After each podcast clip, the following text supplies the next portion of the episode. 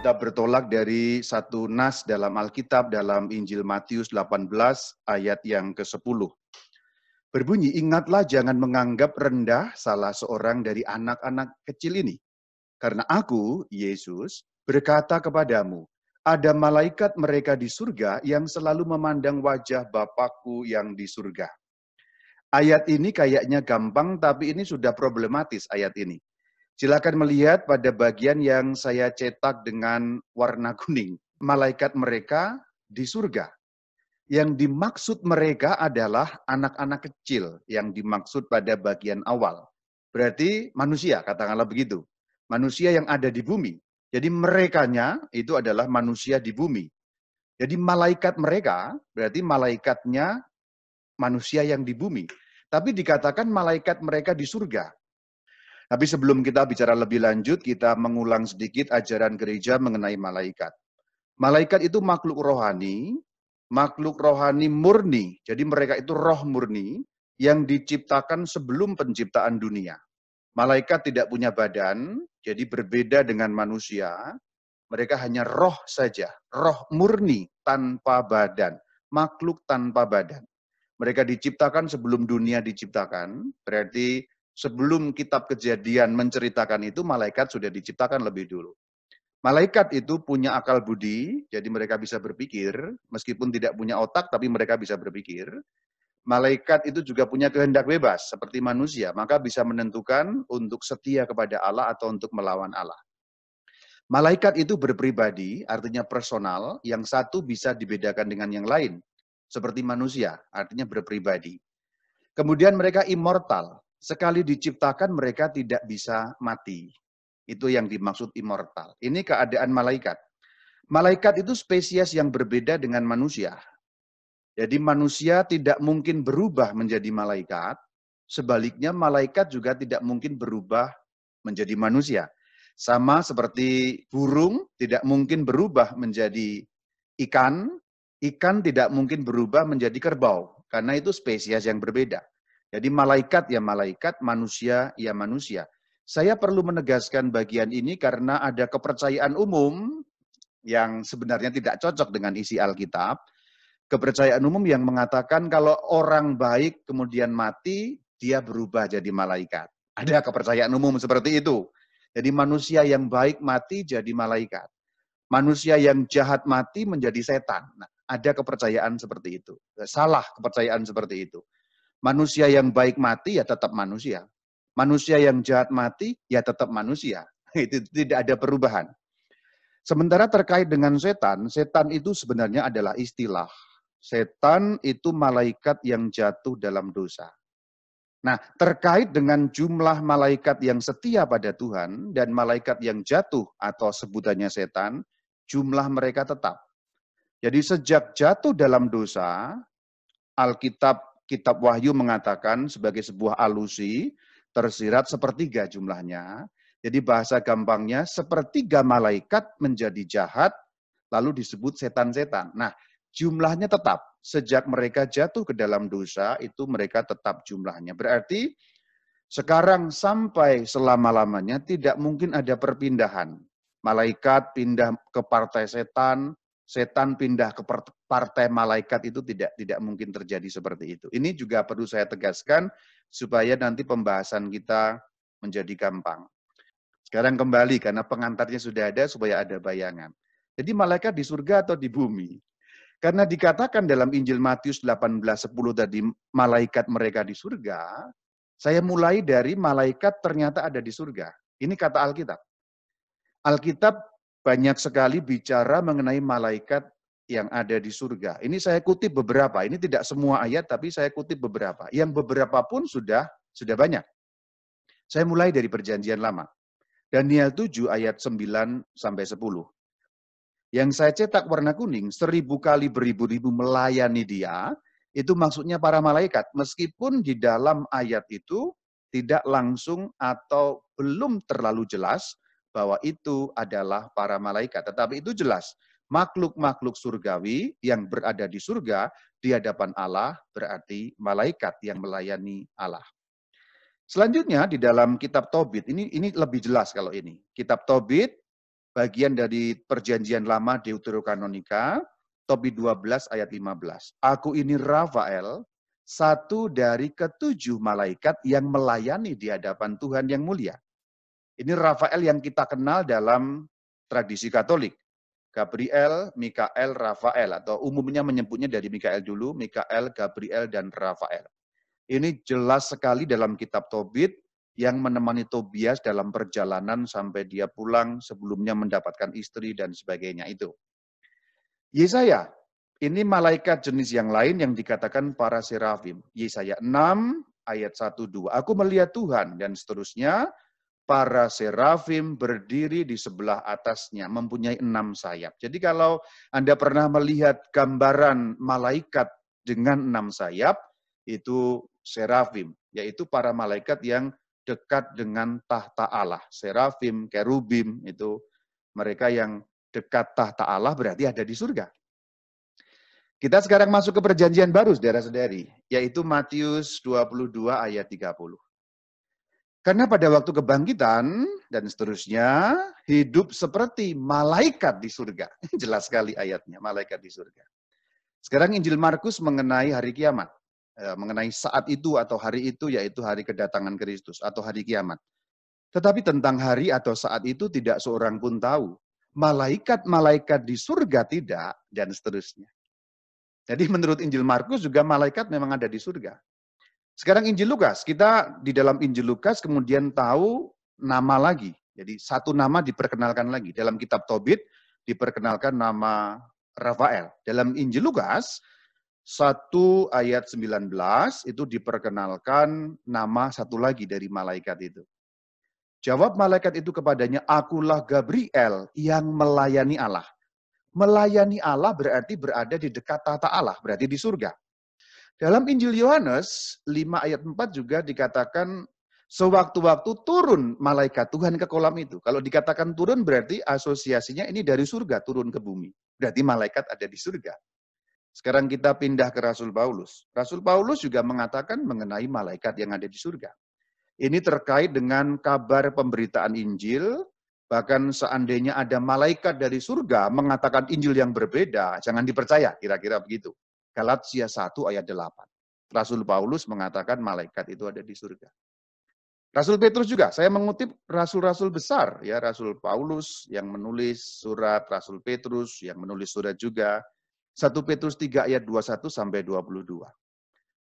Melalui kebangkitan Yesus Kristus yang duduk di sebelah kanan Allah setelah ia naik ke surga sesudah segala malaikat. Ini pengantiannya berarti malaikat ada di surga karena Yesus Kristus naik ke surga sesudah segala malaikat, di atas segala malaikat. Kenapa dikatakan di atas segala malaikat? Karena kuasa dan kekuatan ditaklukkan di bawah Yesus. Berarti jauh di atas malaikat dalam posisi di sebelah kanan Allah itu. Jadi ada banyak sekali ayat. Ini beberapa yang saya kutip ini hanya beberapa saja yang sangat jelas mengatakan malaikat itu keberadaannya ada di surga. Berarti sebenarnya malaikat tanda petik bukan bagian dari dunia ini. Nah, berarti menggunakan penalaran itu jelas malaikat ada di surga. Namun kalau kita melihat sisi-sisi lain dari Alkitab, terutama bagian-bagian perjanjian lama dan kisah para rasul, dalam perjanjian baru ada ada satu kitab yang bicara mengenai malaikat banyak sekali. Jadi kalau boleh disebut kisah para rasul itu kitab malaikat sebenarnya. Selain kitab Roh Kudus juga kitab malaikat. Maksudnya apa? Kisah para rasul bicara banyak mengenai Roh Kudus, sekaligus juga bicara banyak mengenai malaikat. Kalau mau cari tandingannya dalam perjanjian lama ya kitab Tobit itu. Karena dari awal sampai akhir malaikat muncul di sana, Rafael, yang menyamar sebagai manusia. Tapi dalam kisah para rasul jauh lebih banyak lagi. Itu di mana-mana itu muncul malaikat, dikit-dikit malaikat, dikit-dikit malaikat. Itu ada banyak sekali. Dan cukup jelas malaikat ada di bumi. Kita mulai dari kitab paling awal, kitab kejadian. Kejadian 19 ayat 1. Kedua malaikat itu tiba di Sodom pada waktu petang. Tadi dikatakan malaikat itu roh murni, tapi kok ini ada di bumi. Dan Lot bisa melihat. Dikatakan Lot sedang duduk ketika melihat mereka, merekanya dua malaikat itu. Berarti dari satu sisi malaikat itu roh murni, tetapi kok mereka bisa terlihat. Ini bagaimana ceritanya? Bagaimana mungkin manusia melihat roh murni? Nah inilah yang perlu menggunakan penalaran teologis dan filosofis, malaikat ketika memperlihatkan diri, mereka mengambil wujud badania. Bukan karena malaikat itu berbadan, bukan, tetapi mereka mengambil wujud badan. Bahasa gampangnya, mereka membentuk badan secara seketika, tapi itu bukan badan sebenarnya, karena mereka tidak berbadan. Jadi yang dilihat Lot itu adalah gambarnya saja Bahasa gampangnya begitu. Gambarnya malaikat yang diciptakan secara badaniah supaya Lot dapat melihat keberadaan mereka. Sebenarnya Lot tidak bisa melihat karena apa? Karena malaikat adalah roh. Tapi demi kepentingan keselamatan, maka malaikat harus membuat Lot dapat melihat. Jadi mereka mewujudkan diri. Itu yang dimaksud kok ternyata kok Lot bisa melihat mereka gitu. Kitab Keluaran Sesungguhnya aku mengutus seorang malaikat berjalan di depanmu.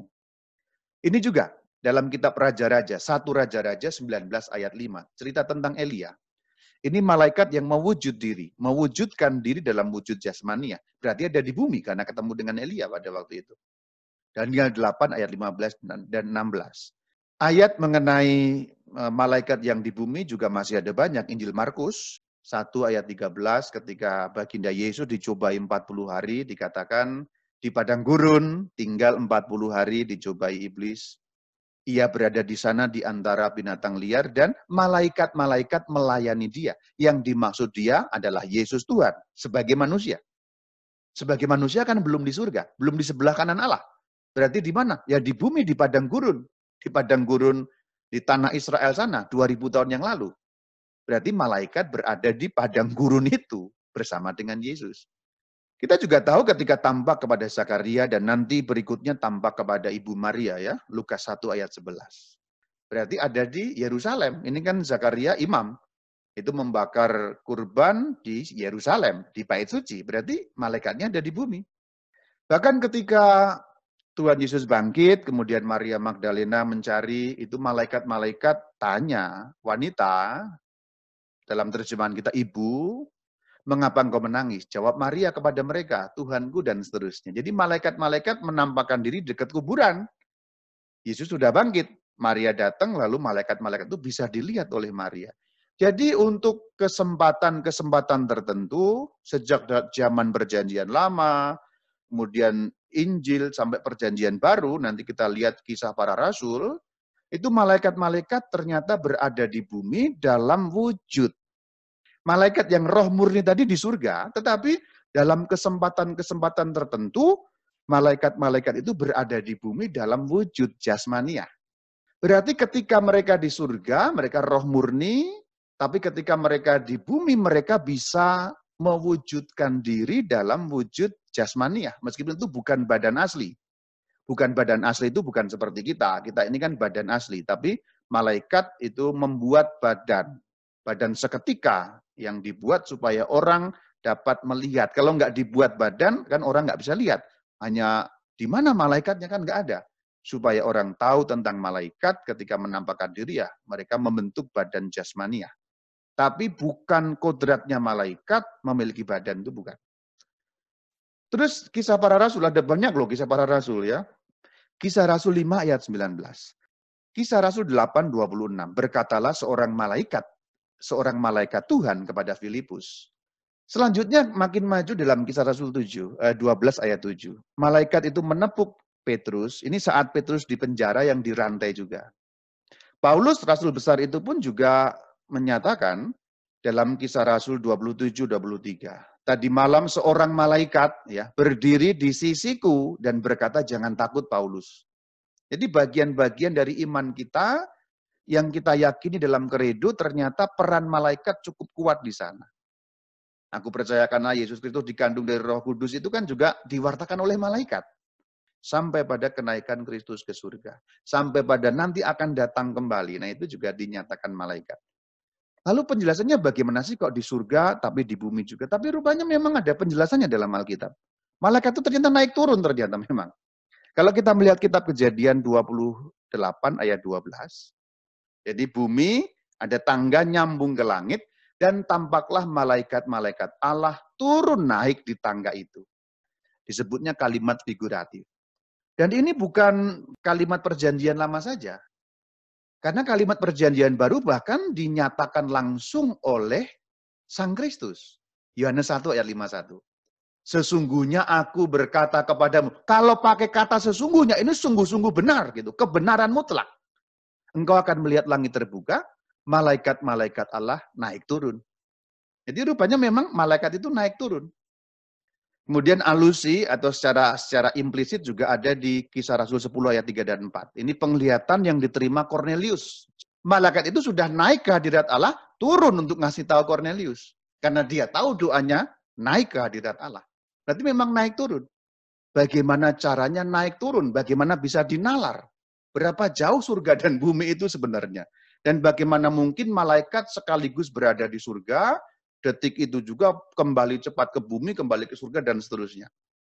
Kalau ada dua tempat, tempat A dan tempat B, jauhnya sekian, sekian kilo, katakanlah begitu. Kalau orang dari A ke B mau menempuh 10 km, dia berjalan dengan kecepatan 10 km per jam. Berarti A dan B ditempuh dalam waktu sejam. Kalau PP 2 jam. Tapi kalau kecepatannya ditingkatkan menjadi 20, dia hanya butuh waktu satu jam. Kalau ditingkatkan lagi menjadi uh, 100, nah, lebih berkurang lagi. Tapi kalau jarak 10 km ini, orang bergerak sangat cepat secara fisika, ini ini secara fisika teoritis ini bisa. Kalau orang dalam jarak 10 km dari A ke B, B ke A, bolak-balik, bolak-balik. Kalau sangat cepat, begitu cepatnya, sampai nggak bisa dihitung, sampai nggak terhingga, dia seperti berada di dua tempat sekaligus A dan B ini. Karena saking cepatnya bergerak. Zzz, gitu. Kita sulit membayangkan, tapi ini secara teoritis bisa. Kalau Anda yang ahli fisika, ini gampang membayangkan ini. Jarak A dan B ini seperti tidak ditempuh lagi karena saking cepatnya. AB, AB, AB, AB. Jadi seakan-akan orangnya bilokasi. Jadi secara secara fisika teoritis itu bisa dijelaskan. Malaikat tidak terikat ruang dan waktu. Berarti dalam bahasa manusia, malaikat bisa bergerak dalam kecepatan yang tidak terbayangkan cepatnya. Berarti untuk mereka, seperti omnipresent. Omnipresent itu berada di mana pun. Saya gambarkan dari tempat A dan B, kalau kecepatannya luar biasa, orang itu bisa seperti ada di A dan ada di B secara bersamaan Sebenarnya bolak-balik, tetapi karena saking cepatnya, jadi seperti bilokasi dalam dua tempat yang berbeda dalam waktu yang sama. Ilmu manusiawi itu bisa menjelaskan banyak hal dalam dalam ilmu iman sebenarnya. Kalau kita bisa menalarnya dengan filosofis. Dalam Keluaran 14:19. Jadi mereka melindungi bangsa Israel ya. Bergeraklah malaikat Allah yang tadinya berjalan di depan tentara Israel, ini pelindung bangsa. Dalam Daniel juga ini pelindung bangsa. Ini satu lagi diperkenalkan nama satu malaikat, Mikael. Jadi Rafael, Gabriel, Mikael itu semua ada nama tiga itu dalam Alkitab. Ternyata juga malaikat menjadi pelindung wilayah. Perhatikan bahwa dalam kisah Rasul 16 ayat 9, ada penampakan atau penglihatan yang dialami oleh Paulus. Seorang Makedonia. Nah, dalam tafsiran para bapak gereja, seorang Makedonia itu bukan orang, tapi itu malaikat. Lalu pelindung pribadi, ini yang mendasari kemudian nanti malaikat pelindung dalam ajaran Katolik. Kan ada guardian angel itu ya. Malaikat pelindung itu ada landasan Alkitabiahnya. Kejadian 24 ayat 6 ya dan ayat 7. Kemudian Mazmur 34 ayat 8. Malaikat Tuhan berkemah di sekeliling orang-orang yang takut akan dia, orang yang takwa kepada Allah, orang yang beriman. Jadi malaikat Tuhan itu seperti seakan-akan berkemah di dekat orang. Nah, ini malaikat pelindung. Jadi landasan Alkitabiah mengenai malaikat pelindung itu kuat sekali. Yang paling kuat tentu yang disampaikan oleh Sang Kristus dalam Matius 18 ayat 10 tadi. Ada malaikat mereka di surga. Lo kok di surga Romo? Sekaligus di bumi karena pergerakan yang sangat cepat tadi itu malaikat itu juga karyanya apa? Bersama dengan kita menyembah Allah. Itulah kenapa dalam setiap perayaan Ekaristi atau kurban misa, bagian menjelang inti yaitu uh, prex eukaristia atau doa syukur agung, awal doa syukur agung yang namanya prefatio, nyambung ke sanctus, itu kan bersama dengan malaikat dan malaikat agung. Ini bunyi aslinya dalam bahasa Latin lebih jelas sebenarnya. Perque majestatem tuam laudana angeli, adoran dominationes tremun potestates, celi celorum que virtutes, agbeata serafim socia, exultatione concelebran, cum quibus et nostras voces, Utat miti jubeas de precamur, suplici confessione dicentes. Terus nyanyi, Sanctus, Sanctus, Sanctus Dominus, dan seterusnya. Kudus, kudus, kudus, kudus, kuduslah Tuhan Allah segala kuasa. Nah, dalam iman Katolik, ketika kita bernyanyi memuji Allah dalam Sanctus, dalam keseluruhan kurban misa itu, kita sedang menyembah Allah bersama dengan para malaikat. Makanya terjemahnya bahasa Indonesia, dari sebab itu kan gitu. Bersama dengan para malaikat dan para kudus, bersama dengan malaikat. Jadi malaikat itu menyembah Allah. Dan yang paling inti dari itu semuanya, malaikat seperti yang diceritakan dalam kisah para rasul, meskipun mereka berada di surga, tapi sekaligus mereka di bumi demi keselamatan kita persis seperti yang diceritakan dalam kisah para rasul, mendampingi, melindungi, menunjukkan jalan, dan mempertahankan kita dari serangan kuasa jahat, kuasa setan. Itu sangat tampak dalam doa Santo Mikael. Sancte Michaeli Arcangele defende nos in prelio. Itu bahasa latinnya ya. Kalau diterjemahkan, Santo Mikael, malaikat agung, belalah kami defend. Defend itu membela, mempertahankan harafiahnya. Itu fungsi terutama dari para malaikat sehingga mereka yang di surga itu bahasa saya harus susah-susah turun ke bumi sebenarnya karena ditugaskan Tuhan untuk memandu kita, melindungi kita, menjaga kita dari serangan jahat supaya kita ini kayak dikawal gitu loh sampai kepada Tuhan. Nah, tujuan pembicaraan ini adalah supaya kita makin yakin satu, eksistensi malaikat, adanya malaikat. Malaikat itu bukan mitos. Malaikat bukan mitos zaman kuno, bukan cerita dongeng, tapi ada benar-benar mereka berpribadi. Ada Mikael, ada eh, Rafael, ada Gabriel. Mereka berpribadi hanya tidak dapat terlihat oleh kita. Sesekali kita diizinkan melihat. Sesekali. Terutama mereka yang tingkat kekudusannya lebih ya. Kalau hanya kayak Romo Bayu Kacung kayak Romo Bayu Kacung kampret begini ya mungkin nggak pernah akan lihat malaikat seumur hidupnya. Kurang suci, kurang kudus gitu.